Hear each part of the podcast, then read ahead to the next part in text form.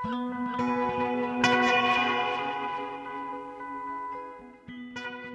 og sæl ágetur hlustendur Sonja Deluney, Kortó kvartett í Salnum og 77 ár frá Sigurdeginum í Vísjá í dag. Þann 9. mæ næstkomandi er ein af stærstu háttíðum í Rúslandi, Sigur dagurinn. Þetta er dagurinn þegar að Sovjetrikin björguðu heiminum frá fasistum eins og sagt er. Á þessu ári eru 77 ár liðin frá því að setni heimstyrjöldin í laug en þrátt fyrir stríð sem rússar hófu í Ukrænu fyrir tveimur mánuðum eða svo ætla þau að halda háttíðina í ár. Stríðið og þessi dagur hefur verið lengi hluti af menningu í Rúslandi og notað til að gera fólkið að föðurlands vinum Rittvöndurinn Natasha flytur okkur fjórða og síðasta pistilum sína upplifun af stríðinu í Úkrænu hér rétt á eftir. Ég elska sköpun meira en lífið og ég verð að tjá mig áður en ég hverf. Sonja Deluney var frumkvöðull á sviði framúrstefnulegrar abstraktlistar á fyrir hluta 20. aldar og tegði hún möguleikana langt út fyrir stregan. Hún hannaði einni klæðilega list eins og kjóla og búninga fyrir leiksýningar, fegst við auglýsingagerð og myndskreitti einni óvæntari fyrirbæri eins og bíla. Dýnamísk nótkun Bjartra Leta var kjarnin í hennar sköpun. Hún var innblásinn af hefbundnum aðferðum sem hún lærði í Rúslandi Í bland við framúrstefnu Parísar borgar sem sprottin var úr ringiðu listasennunar þar í borg. Strömmkvörfum í tækni, list, bókmentum, leiklist, tísku og viðukendum vennjum um hlutverk kynjana. Við rekum aðeins nefiðinn á Louisiana sapnið í Danmörku þar sem yfirlits síning um Sonju Deluney stendur nú yfir. Kordó kvartett heldur tónleika í Salnum í Kópavogi næstkomandi lögdaskvöld 30. april undir yfirskriftinni Frændur í norðri. Kvartettin er nýkomin heim úr sinni fyrstu tónleikaferð til norður spánar þar sem hann leka á þrennum tónleikum við góðar undirtæktir. Á dagskrá verða tvö af höfuðverkum norrætnar kammertónlistar fyrstu strengja kvartettar Karls Nilsen og Edvards Grík sem báður eru í G-mól. Þá verður einnig frumflutt glænýtt verk eftir Huga Guðmundsson, Red Shift sem hann samti sérstaklega fyrir Kortó kvartettin. Við fáum til okkar helming kvartettsins, þá Hrafkjell Orra Eilsson og Þórarinn Má Baldursson og kynnumst þessari sveit aðeins betur hér í lok þáttar. En við byrjum í Rúslandi. Natasja tekur nú við.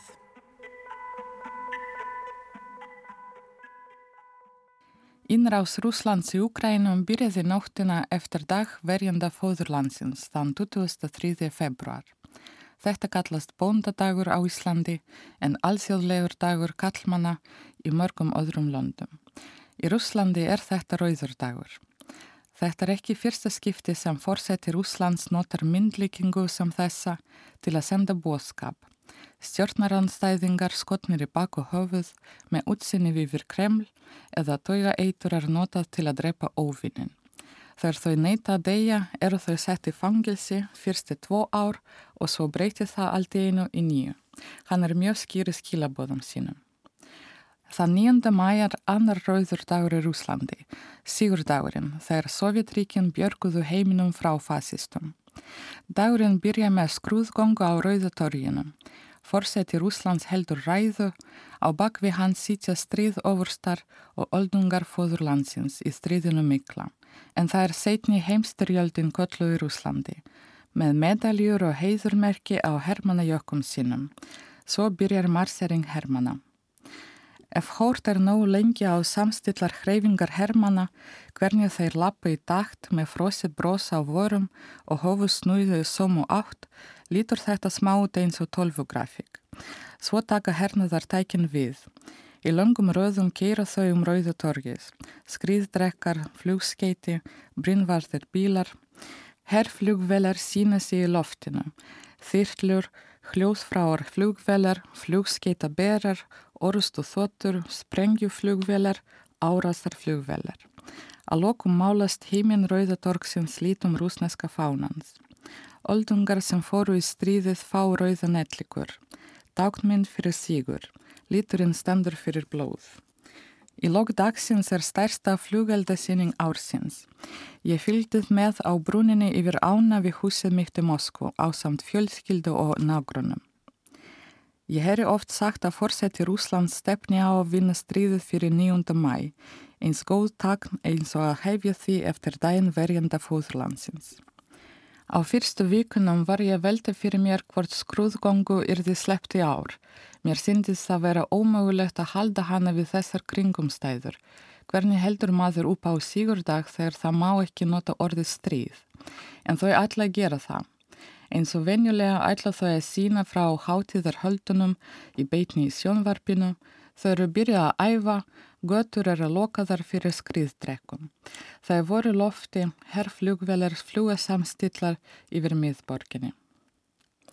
Ég fatta bara núna að stríðið hefur alltaf verið til í kringum okkur. Það er bara eitthvað sem við erðum. Ég fætist þegar Afganstríðinu laug en mann samt eftir lögum om rúsneska herrmenn í Afganistan sem fólk var að syngja. 21. öldin hófst með stríði í Tjetjenju sem hafði í forma sér fjölda hriðjuverka árasa, sprengjuru húsum, neðanjarta lestum, flugvöllum, skólum, íþróttaleikvöllum og kyrstæðum bílum. Sem bart mann ég eftir frettum að fólki drefnu í líftum og stígagongum á göttum og í vinnu. Það var svo mikið að skipulagaði glæpastarsæmi að það var útgöngu banna á kvöldin. Ég er samt ekki að kvarta, ég á góða míningar frá berskunni og allur þessi samfélagslegi ótti var það eini veruleiki sem ég þekkti. Ég vissi ekki þá að þetta geti verið öðruvísi. Það var mikið af belturum á göttunum í bersku minni. Róma fólk með dúðuð börn sata á ríkugum göttum, fullt heimilislaust fólk svaf á malbíkinu, Menn í hermannafötum á trepalli með hjólum, fótalauðsir, kronglast innan um neðanjarðalestir og býði um pening fyrir gerfilim. Vísnir gamlingjar standa með útrétta kræklóta hönd. Stundum voru þeir með heiðursmerkja á fötunum. Pappi gaf gomlum konum alltaf pening. Ég gerir það ekki. Í skóla heldum við alltaf stórháttið þann 9. mæ. Klædum okkur í hermannafött lásum stríðljós, sungum stríðlög. Það er mjög skrítið að sjá myndir af mér í hermannafötum með bísu á auks, standa á svíðinu og lesa ljós. Stolt mamma mín tók myndir. Við fengum oft heimsóknir gamalla stríðhetja sem sátu fyrir framann bekkin á stölum með gongustafi og sögðu frá hvað þær voru að gera þegar stríðið hófst, hvernig fimm ára af stríði líti út. Fáir tóluðu um það sem á eftir kom eða lístu núverandi lífi sínu. Og miðjan tíunda áratugin byrjaði stríðnostalgi að vaksa og minningin um setni heimstyrjöldinni fekk sitt eigið takt. Georgius bandi með appilsinu gulum og svörtum línum. Fólk setur það á fötun sín, töskur og bíla. Þau eru gefin fritt í almenningsrými við útganga neðan hjarta lestarstöðva og í verslunamistöðum. Aðal hugmyndin á bakvið þetta var að láta ekki nýjar kynnslóðir gleima því hver vann hræðilegasta stríð mannkynnssögunar og með hvaða kostnaði, erfingjar hverri við erum og hvað við eigum að vera stolt af arfinum. Seitna fóru þjóðræknir límiðar á bíla sem settir voru í afturúður á komasti tísku. Takk afi fyrir fríðin. Vinsælistur var límiði með tveimum teiknuðum manneskjum. Önnur þeirra var með hamar og sigð fyrir haus og hinn með hakakross. Manneskjutáknið með hamar og sigð er svo að taka hinn að aftan frá. Letur að neðan segir, við getum endurtekið. Við hverju heimsókn í Moskvu sá ég hvernig borgin blómstræði og ógs. Er orðið miklu hreitna, hjóluleiðir fylgja áni, margir garðir endurgerðir, þar er oft spíluð sovjask tónlist. Nýjar vegmyndir með hernaðarlegu þema byrtast. Á aðalgötu Arbat við hlýðina á Starbucks reys upp fimmhæða mynd af Hermanni. Á brjóskasa hans eru 16 orður og sjó heiðursmerki. Svipuð götu list fyllir miðborgina. Núna heldur áróðurvelin áframsleis sinni. Ríkistjórnin vil byrja sögukjænslu frá fyrsta bekku skólum og þjóðræknikjænsla er á dagskrá. Börn skrifa bref til Hermanna, þakka þeim til heiðurs og vona virkilega að þeir komi fljótlega heim til fjölskyldna sína. Það er fullt af myndum af börnum í skólum sem er stilt upp til að mynda bókstafin Z, bókstaf sem táknar stuðning við báráttu við nazisma í Ukrænu. Ódauðslegt herdeild, ganga til minningar um kynnslóð sem barðist í fóðurlandstríðinu mikla, er orðin óvaskinnilegur hluti af hátíðar höldum Sigurdagsins. Fólk gengur með skildi með ljósmyndum af fjölskyldu meðlimum sem dói í stríðinu. Forseti Rúslands sjálfur tekur þáttu því. Hann er með mynd af pappa sínu á skildinu. Fyrir COVID voru þáttekendur meiran miljón manns í Pétursborg. Hún er haldinn á vegum rúsneskra sendiráða í meiri en 80 löndum, meðal annars á Íslandi. Úkræn og Kvítarúsland eru með sína eigin göngur. Kvítarúsland mann kallast hún í Kvítarúslandi og ekkert er gleimt, engum er gleimt í Úkrænu. Á hverju ári þann 9. mæ sást fleiri og fleiri myndir af ömmum og ofum á samfélagsmiðlum. Fólk skrifar minningar um fjölskyldu sína, þakka fyrir sigur yfir nazisma. Fólk setur inn myndir af börnum sínum í hermannafötum og kallar þau verjandin minn. Rökkværsla margra minna á að afar okkar hafi ekki dáið til einskins og þess vegna er sigurdagur svo mikilvægur. Hver einasta fjölskylda á ættingar sem fóru í stríðið. Báðar ömur mínar dói fyrir tóum árum síðan. Ég hef aldrei hitt neina af öfum mínum. Mamma mömmu mínar var 16 þegar stríðið hófst.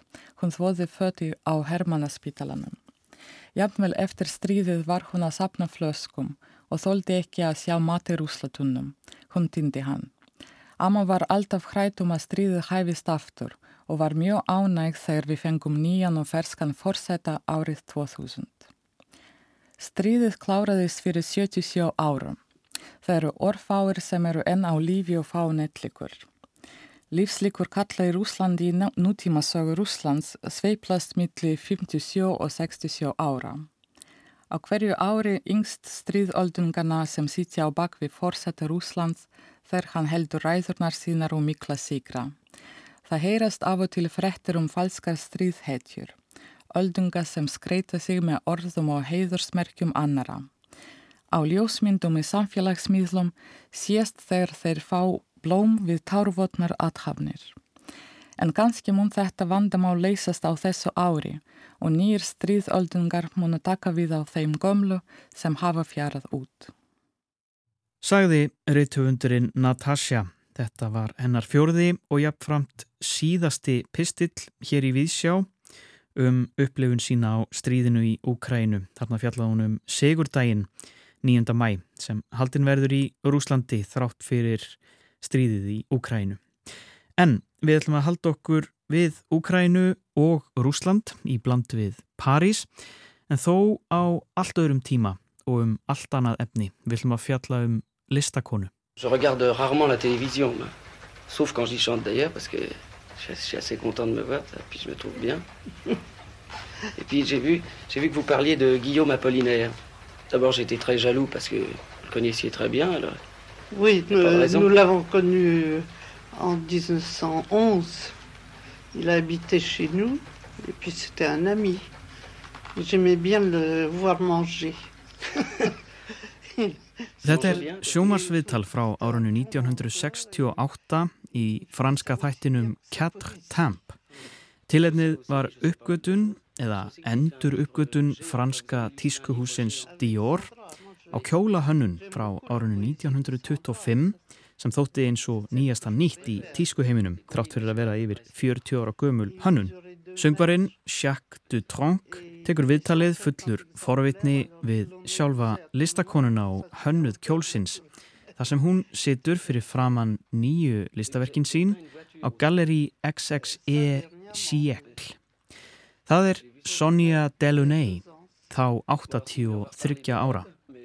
Við hlið Sonju situr einni listrætt stjórnandi hjá Dior, Mark Bohan. og þau ræða þennan nýja gamla kjól og fyrri verk Sonju, það sem þau kalla abstrakt kjólana. Að viðtalinu loknu stýgur franska popstjarnan François Hardy fram á stort svið með bakgrunni sem Sonja Delaunay hannaði líka, klætt í kjólinn fræga og syngur franska útgáfu af ameríska læginu It Hurts to Say Goodbye. Og þarna í sjónvarpinu árið 1968 eftir þessa endur uppgötun Dior á gamalli kjólahönnun voru eflust margir frakkar sem lærðu þarna nýtt nafn á listamanni sem hafði fram að því leið í skugganum að mörgu leiti. Það var Sonja Delaunay.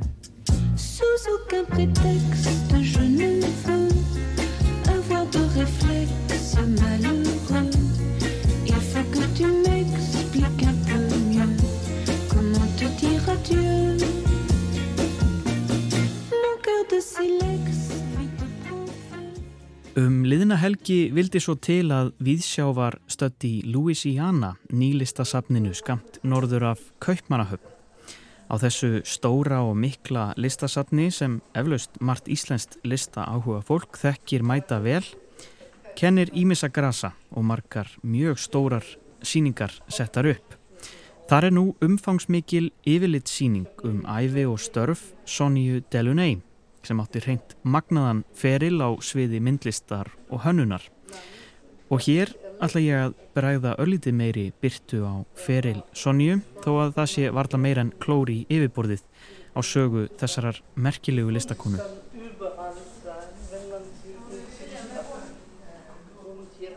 Sara Elievna Stern fættist árið 1885 í Hafnarborginni Ódessu í söður hluta Úkræinu sem þá var hluti af rúsneska keisaradæminu. Fóreldrar hennar voru gýðingar og ungað aldri var hún sendt til Santi Pétusborgar í fóstur til móðurbróður síns, Henry Terk. Eftir nokkrar deilur við móður Söru var ákveðið að móðurbróður hennar ættliti hana og hún fekk þannig nafnið Sonja og eftirnafnið Terk. Hjá Terk fjölskyldinni hafði hún það reglulega gott og naut mikill að forréttinda. Henry Terk var afar farsæl og efnaður lögmaður og fjölskyldan ferðaðist víða um Evrópu og dvaldi heilu sumrin meðal annars í Finnlandi. Á þessum ferðalögum kynntist Sonja listaheiminum, heimsótti söpn og sökti sér í allar þær bækur sem hún komst í tæri við um list, bæði gamla og nýja. Hún stundaði líka mikið tungumálanám, lærði ensku, frönsku og þísku og 18 ára gömul var hún sendi í listnám í Listaakademíuna í Karlsruhe í Þískalandi og lærði þar til ársins 1905. Þaðan var ferðinni síðar heitið í framhaldsnám til Parísar.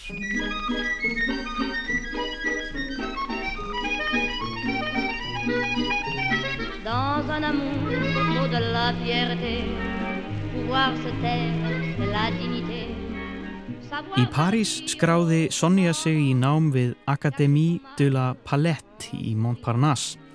Hún var reyndar dálitið fyririldi sem námsmaður. Hún hafði mun meiri áhuga á því að flögra á milli listasafna og galleria Parísar en að sitja á námsbekk og hún vildi kynna sér lífið í borginni, þennan söðu pott framúrstefnu í listum.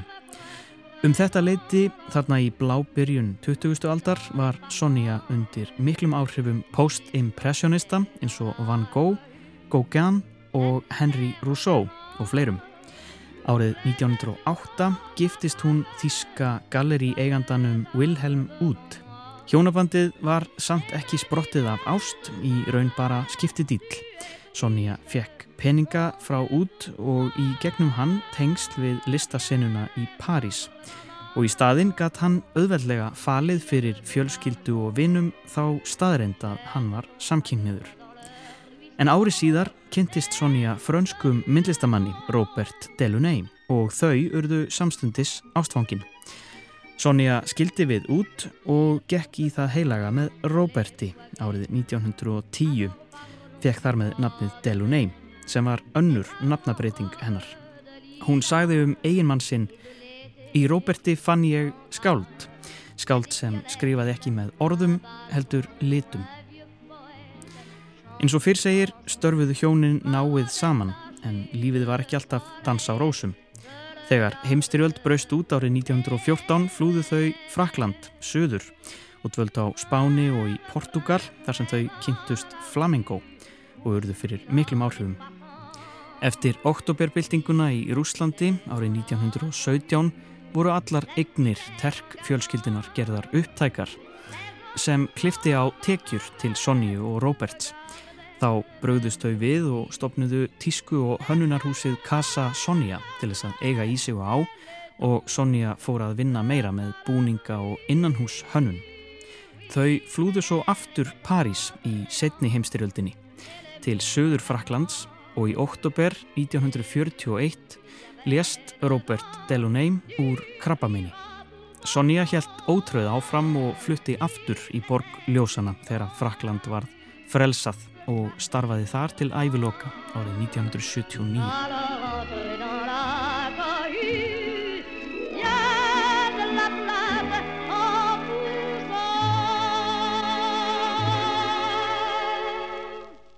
En betur að list Sonju Delaunay. Fyrsta listaverkið hennar þar sem hún færði sig frá hefðbundnari myndbyggingu og naturalisma og yfir í heim hins óhlutbundna má segja að hafi verið vögguteppi sem hún gerði fyrir svonsinn Charles árið 1911. Þar með hófst abstrakt ferðalag sem ógs samhliða því að kúbismin var að riðja sér til rúms í listagalleríum Parísarborgar.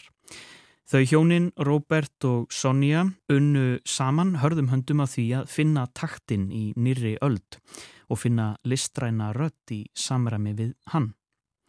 Það var svo frækt þegar Sonja mætti á Bal Boulier dansklubin kvöld 1 í París árið 1913 klætt í einhvers konar samskots kjól sem líktist litríku listaverki úr smiðju kúbismanns að eftir því var tekið á sviði framústefnu listamanna þess tíma. Eins og listaverk sem lekið hafði af stryganum og yfir á kjólinn inn í hverstagsleikan út á gödurnar. Eins og hún sjálf orðaði það Ef málverkið hefur stegið inn í hverstægin er það vegna þess að kona klættist því. Þetta varð aðalsmerki Sonju að hugsa sína módernísku list á mun breyðari menningarlegum grunni en í gegnum einn ákveðin miðil. Sonja var frumköðull á þessu sviði á fyrstu áratugum síðustu aldar, flakkaði milli listar og handverks og nýtti fjölmarka miðla við myndlist sína og hönnun. Skarpir litir og form úr rúmfræðinni spruttu upp svo sem í textilvinnu, fatahönnun, auglýsingum og bókakápum. Litaransóknir hennar voru líka afar aðteglisverðar. Hún kannaði kúbísk form með meiri áherslu á litina og skapaði hugtakið simultané, innblásið af þeirri kenningu að litir hafi áhrif hver á annan og breyti því sem kallamætti karakter þeirra þegar þeim er stilt upp hlið við hlið á skýrum flötum og uppliðir á sama tíma. Og þaðan er nafn kenningarinnar komið. Sonju var líka umhugað um takt í listinni, taktinn í samtímanum og jáfnvel lífinu sjálfu. Mörg verka hennar innihalda þetta orð, taktur, að fylgja eftir einhverju ævarandi, einhverju tímalausu tilvistar ástandi, eins heimsbyggilega og það kann að hljóma. En síninginum Sonju Delaunay á listasafni Louisiana var í öllu falli afar áhrifamikil, vakti spurningar og kvekti áhuga á að vita meira um þessa merku konu frá Ódessu. Þótt allt sé undir er megin áherslan greinilega á textilhönnun hennar og 30 ára farsælt samstarf Sonju við hinn að virtu hollensku verslun Metz og Co. í Amsterdam. Til sínis eru hátt í 200 minnstur og snið, allt frá skissum og tekningum, yfir í full unnið efni í bland við öll málverkin og annars konar verk, til að mynda búningahönnun sem hún gerði fyrir datalistamannin fræga Tristan Tzara, en þau eruð miklu vinir í gegnum listsköpun sína. Áhrifamest er þó kjólahönnun Sonju frá þriðja og fjórða áratögnum, þar var þröngum lífstykkjum hend út í hafsauga og í staðin komu kjólar með víðara sniði, henduri fyrir konur mótenismans, konur með stittra hár sem rektu síkaretur og kerðu bíla. konur sem ætluðu sér út fyrir bóksið, rétt eins og Sonja Delaunay. List hennar virðist eiga í samtali við nútíman hverju sinni, algjörlega flæðandi list sem, rétt eins og í franska sjónvarpinu árið 1968, ætti að fá verskuldaða enduruppgutun afar reglulega.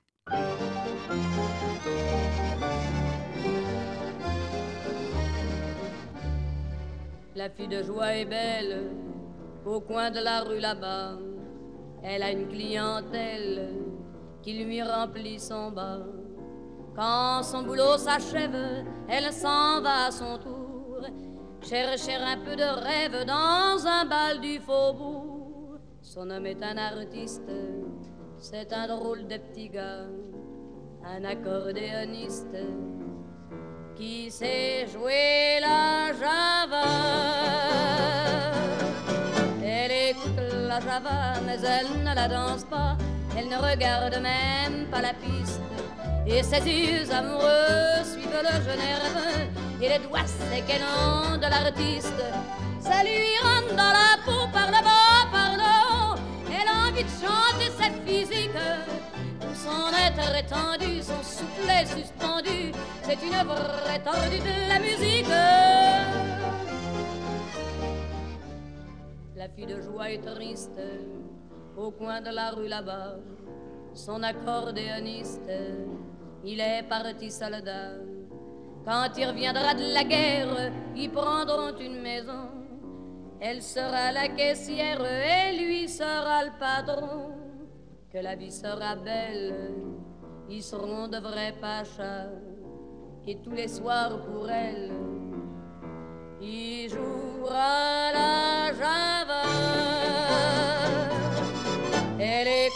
Java qu'elle fredonne tout bas, elle revoit son accordéoniste, et ses yeux amoureux suivent le jeu nerveux, et les doigts séquennants de l'artiste.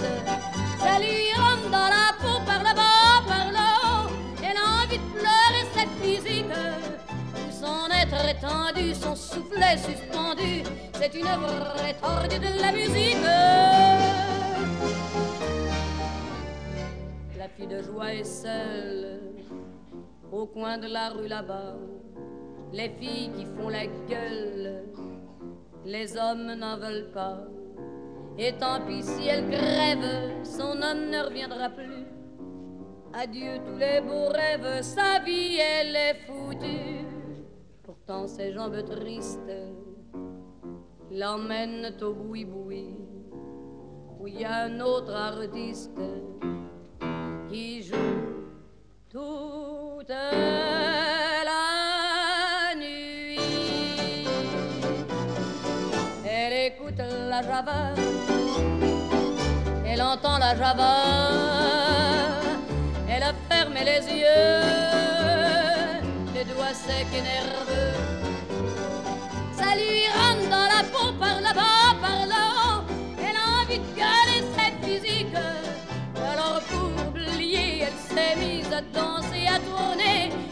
son de la musique.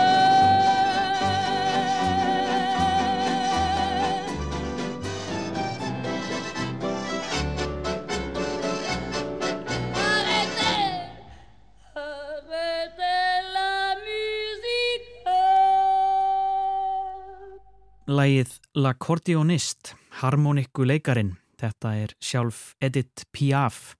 Gömul og góð Parísar músik, borgin sem Sonja Delaunay dvaldi lengst af og við hvetjum hlustendur til að kynna sér þessa stórmerkilegu listakonu. Og eh, næst ætlum við að snú okkur að tónlist. Það eru tónleikar framundan í salnum í Kópavogi.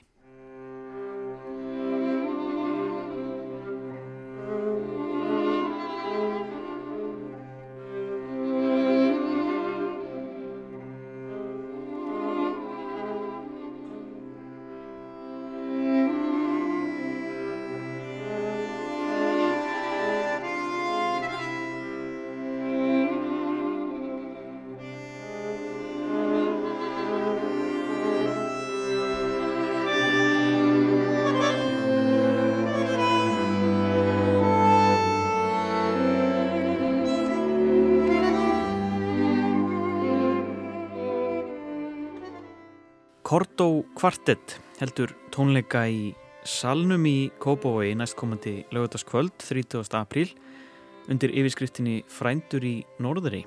Kvartettin er nýkomin heim úr uh, ferðalegi sinni fyrstu tónleikaferð til Norður Spánar þar sem að kvartettin leika á þrennum tónleikum við nokkuð góðar undirtæktir hingaði við sjáuru komnir Já, komin helmingur kvartetsins þeir Rappkjell Orri Egilson og Þórarin Már Baldirsson. Velkominir. Takk, takk. Takk fyrir. Segð mér aðeins bara fyrst uh, frá þessu litla tónleikaferðalagi. Þið bara nýlendir. Hvernig var eitthvað tekið þarna á spáni? Bara nokkuð vel. Þetta var bara svona míníferðalag sem átti nú uppalega að vera á síðasta ári en þurfti að fresta þess vegna COVID. Já. Og spilaði þrejum bæjum á Norðurspáni, Burgos og Miranda Já. og Aranda og uh, já, bara skemmtilega að koma að það Já, já, gaman að spreita sig spila program oftar en einu sinni það fær maður maður fær ekki oft tækifæri til þess hérna heima Nefnt. að endur taka efnið sitt mm -hmm. Og hvernig er, er mikið svona líf í tónlistar senunni þarna á Norðurspáni af hverju fóruð þið þangað?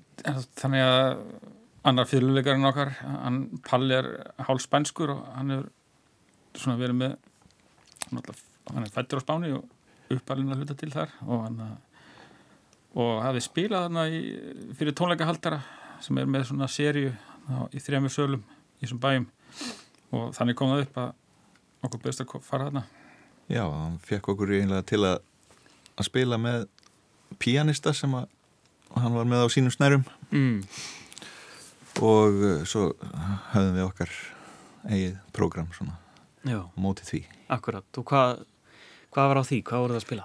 Við að spila Chopin pianokorsett í E-mól í kamerútgáfi fyrir sest, piano og strengjakorsett og svo eftir, eftir hlýja var Grík strengjakorsettin sem við ætlum að spila núna í salum á lögadaginn. Já, akkurat. Svona eitt af höfuð svona strengjakvartettsverkum tónbókmyndina hérna á Norrlundum allavega. Já. Gríðilega flott verk. Og á dagskrunni verða einmitt líka tvö af höfðverkum Norrætnar kammertónlistar. Segið mér aðeins frá, frá henni.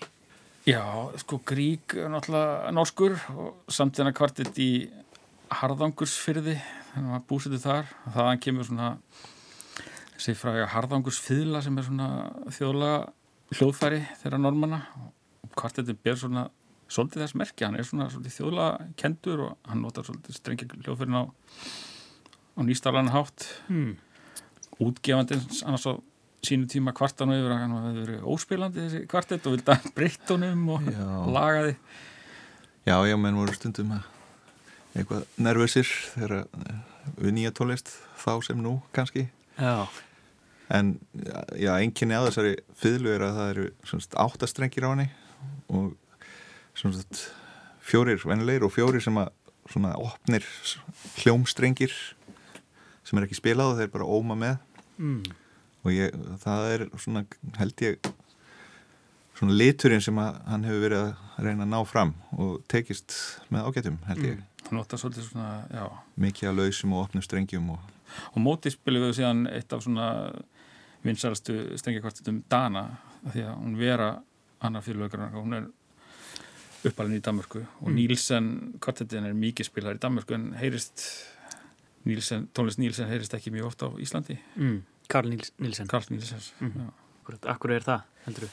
Ég veit ekki, það er einhvern veginn þótti kannski eitthvað sérkynlega tónlist Já, já við höfum spilað einhverju nokkur symfóníunum en já mm -hmm. Þeir eru svolítið að draga, draga hans tónlist já. upp í Líka skemmt að segja frá því að þau eru hérna, vera á palli eru, eru hjón og þau kynntust í hérna konservatórin í Danmarku skilsta, fyrst skilsta sem það hafa spilað sama var í þessum strengi Garstett eftir Nílsen það er svolítið svona smá tenging. Já, Þannig við erum svona að reyna svona að rækta kannski norranna tónlistarar með tónleikunum. Já, akkurat. Og þriðaverkið er, er nýtt verk eftir Huga Guðmunds sem að tónskald sem að er búsettur í köpuna Já, akkurat. Hvað getur þið sagt mér um það? Það er splungu nýtt Já, splungu nýtt, það er náttúrulega frumlítja við fyrst þegar við fórum á málga við hann að semja verk þá spurðum við hvað hann geti kannski búið til svona tvískipt verk sko það sem að vera í tveimurpört að vera stittri helmingur sem væri svona hægt að spila á tónleikaferðalagi eða eitthvað svona við hýmis aðstæður. Þannig að mm. við ætlum að frumflytja, frumflytja svona túrútgáðana, stitturútgáðana en það heitir Redshift eða Rauðvík sem er hérna hugtæki stjarnilisfræði mm. sem snýst um það að þegar að ljós, við fer rétt með að ljósbylgjur er að fjarlægast, fjarlægast heimurinn er að þennjast út þá breytist þá, tíðnin. Já, breytist tíðnin á ljósbylgjunni og, og tegist á bylgjunum held ég. Já, og fræðingar nota þetta til svona mæla útvennslu heimsis og hann það kemur til að því að þessi nýji stjörnusjónugi er að núna að fara bráðum að byrta nýjar myndir af alheiminum Já. og hann er svona að reyna að nálgast þetta svona með hljóðheiminum og, og tónamálinu notar þetta svona sem inspirasjón mm. og þannig að eitt staður í verkinu sem að svona skemmtilegur að því að það er svona eins og það sé hliðrun á, á, á tónmálinu því að þyrlundar spila saman en þær eru samt ekki þær eru svona eins og í spila saman en í sitt hverju tveimur vítum. Tveimur vítum. og hvernig hljómar svona já, gemisindi í, í, í tónlist? Það viljum við ekki uppljósta hér heldur verður fólk að koma á lögataskvöldi klukkan 8 í salin já.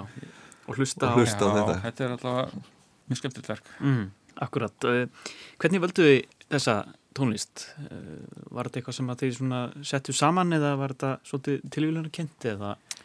Nei, já við, já, við ákveðum eiginlega að setja saman þess að Grík og Nilsson mm. hvert þetta og það var svona norrent þema og, og höfðum svo samband við huga og plöntuðum frá honum mm. Og hvernig talaðu saman verkin? Er þau mjög ólík eða? Já, ég, já, ég held að það segja það sko uh, hann, þetta er nú æskuverk Nílsson, hann, hann er svona frekar romantískur mm -hmm.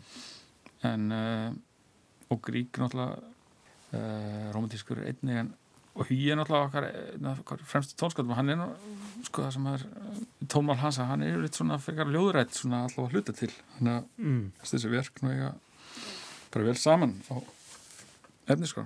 Já, og líka kannski svolítið svona frumlegur að fara út í, út í svolítið svona vísinda Vi, innblástur. Við gáum allavega allavega alveg bara alveg lausan tauminn, maður til bara að skrifa. En, en með því, með því fórskipta með svona í, í bak uh, svona bak við eira að þetta verk gæti verið spilað með Nílsen og, og Grík þannig að, þannig að ég vona hann að nota það svona sem inspirasjón Já, einmitt. Held að það tekist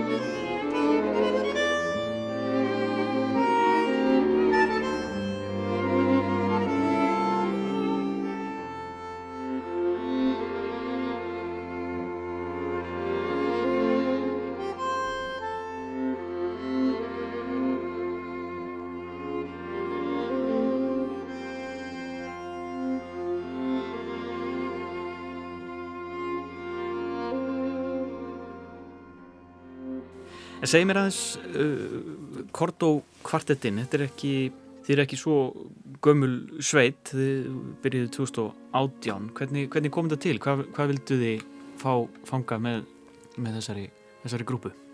Uh, bara reynlega bara fá tækifæri til að spila í strengja kvartett það er fyrir strengja leikara er einlega svona sem mest áskurinn sem að tekist á hendur og til svo ógrinni af, af alveg stórkostleiri tónlist fyrir þessa samsetningu. En til að til að hérna geta gert í skil þá verður maður að vinna með sama fólkinu yfir lengri tíma. Þannig að við já tókum okkur bara saman til að geta vinnið að þessum hérna geira tónbókmentana Já, og hver er áttu svona upphafið að því að koma okkur saman? Það er bara svona hvernig kvikna hugmyndin? Já, bara svona í samræðum millokkar þá svona... mm. Var það þá í kringum ákveðin tónverk eða?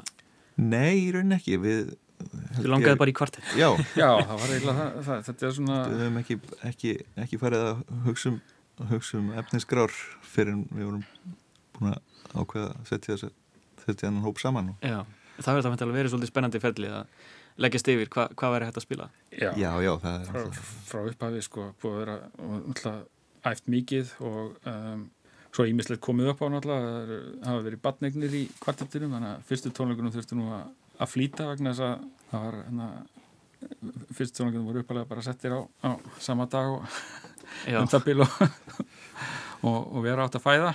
Já. svo var COVID þannig að tvennum tónleikum allavega 2020 var, þurftum við að fresta. Mm -hmm. alveg. Uh, svo náðu við að þetta er hvað 500% aukning á tónleikum í fyrra.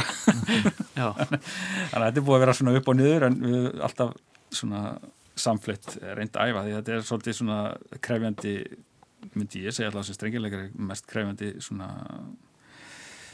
hópform sem að hægt er að finna í, í fyrir, fyrir akkurat. Samhæfing og, og samspil og samtúlkun. Já, og hvernig hefur það gengið? Það hefur greinilega gengið á ymsu og allt gerst, hvernig hefur svona það hefur reynda á mikið? Já, þanniglega, en það hefur bara gengið eins og í sögu held ég, Já, ég samkomlega gott, enginn Tónlistin er góð? Enginn búin að móðgast það er í fílu að hinga til. Við erum allavega um, geta kert saman í, í sama bílnum á tónleika, tónleikastað er ekki eins og fræ, frækt er í Gvarnir í kvartetum sem var einnast stærstu kvartetum hérna 20. aldra sem að undir lokum þá voru allir fjóru meðlumdi fannir að fljúa í mismöndi fljóðulum í tónleikaferðum. Þannig að já, við tölum saman eftir 30-40 ár þá. Sjáum við til. Það, það er markmiðið, já Ég vil ekki enda, enda svona í, í sitt kóra leið Það er ekki alveg strax Nei En svona viðbröðin uh, í COVID og allir þessum lokunum, hvernig, hvernig nýttuði tíman? Var, var, þetta, var þetta að nýta tíman í æfingar og, og slíkt? Já, við höfum reynd að halda dampið svona, svona megninu til en... Við til dæmis spila, spilaðum tvís var eitthvað nettónleika sko, það var svolítið sérkynlegt einhvern veginn tilfinning að, að spila fyrir tómum sal bara fyrir myndavilar. Já. Það er einhvern veginn, það er, það er tölvett skrítið og erfitt. Mm. Það vantar eitthvað mikið. Það vantar, vantar eitthvað Já, það vantar samband við helmingin mm -hmm. Þó maður viti að kannski sé ykkur hann á, á bylgjunni að hlusta á. Það er einhvern veginn, það er ekki alveg sami hlutur. En þið höfðu nú spilað talsvert fyrir það. Já. Þið heldur tónleika í, í hörpu 2019 og, og svo hafið þið, þið, þið hafið nú náða að spila Já. heilmikið jú, jú. Hvernig hefur þetta hérna, verið? Hvað, svona, hvað stendur upp úr? Já, það er nú það. Það er náttúrulega fyrstu tónleikarnir kannski að þeir voru fyrstir. Já, Já. eftirminnilegir. Eftirminnilegir og, og svo líka þeir við, við, við byliðum hérna Beethoven og Mendelssohn núna í desember núna í desember sem að mér fannst standur alltaf upp úr. Já, þetta er svona mest krefandi kannski strengikvartin sem hættir að, að spila.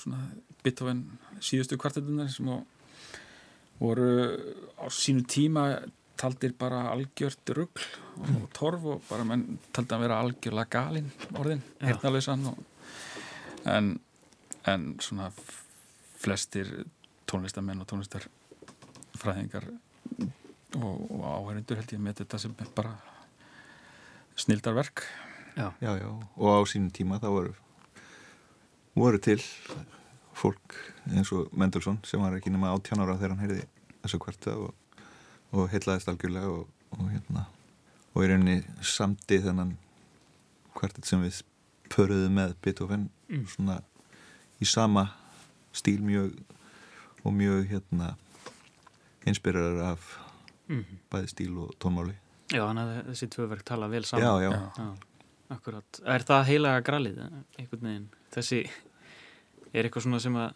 einhver langar, einhver draumur að, að fá að spila? já, það er alveg Það er mörg. Já, það er, það er einhvern veginn uh, það skemmtilega við að vera í strengikvartit það er svo mikið af verk, frábærum verkum sem er hægt er að, að spila þetta er eins og ég sagði að kannski mesta áskurun strengjarleikar er að spila í strengikvartit en það er líka ein mesta áskurun tónskáld er að semja fyrir strengikvartit þannig að það er öll helstu tónskáld hvort það er Haydn, Mozart, Beethoven Brahms eða Sjóstakovits mm. all tekist á þetta form mm. Sjóstakovits samtilumis 15 kvarteta Beethoven ekki alveg, 17 mm. Og er það strempið fyrir tónskáldið bara af sömu ástæðu? Það eru vegur þingra hvert, hvert hljóðfæri?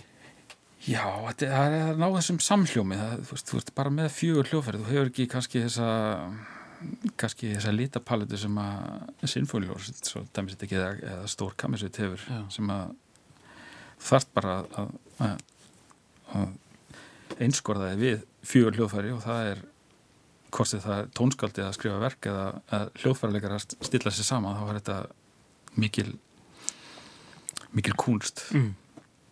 Akkurat En hvað er uh, hvað er framöndan hjá Kortó kvartett? Hvað, hvað, hérna, hvernig sjáu þið svona fyrir ykkur framhaldið?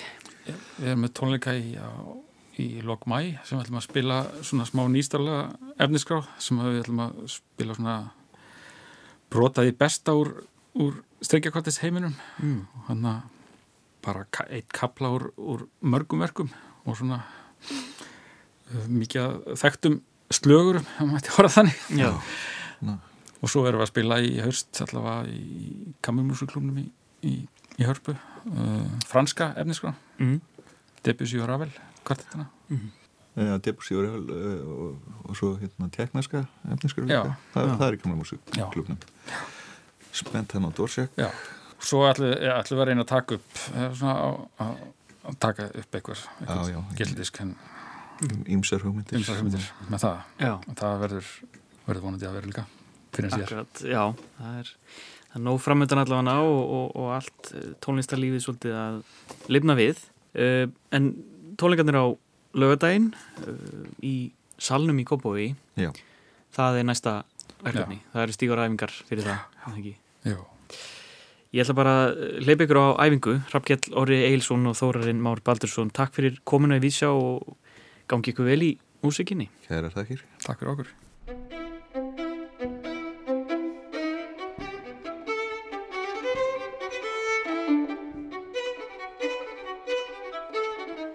Við heyrum hér upptöku frá tónleikum í Kammermusikklubnum í september í fyrra í norðurljósasal Hörpu.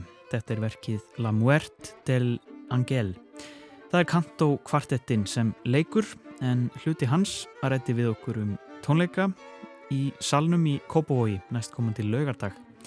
Og á þessum föguru nótum ljúkum við ekki bara við sjá dagsins heldur vikunar en þátturinn er alltaf aðgengilegur í rúfspilara og í hlaðvarpsveitum. Við þökkum fyrir okkur þessa vikuna, takk fyrir samfylgdina og veriði sæl.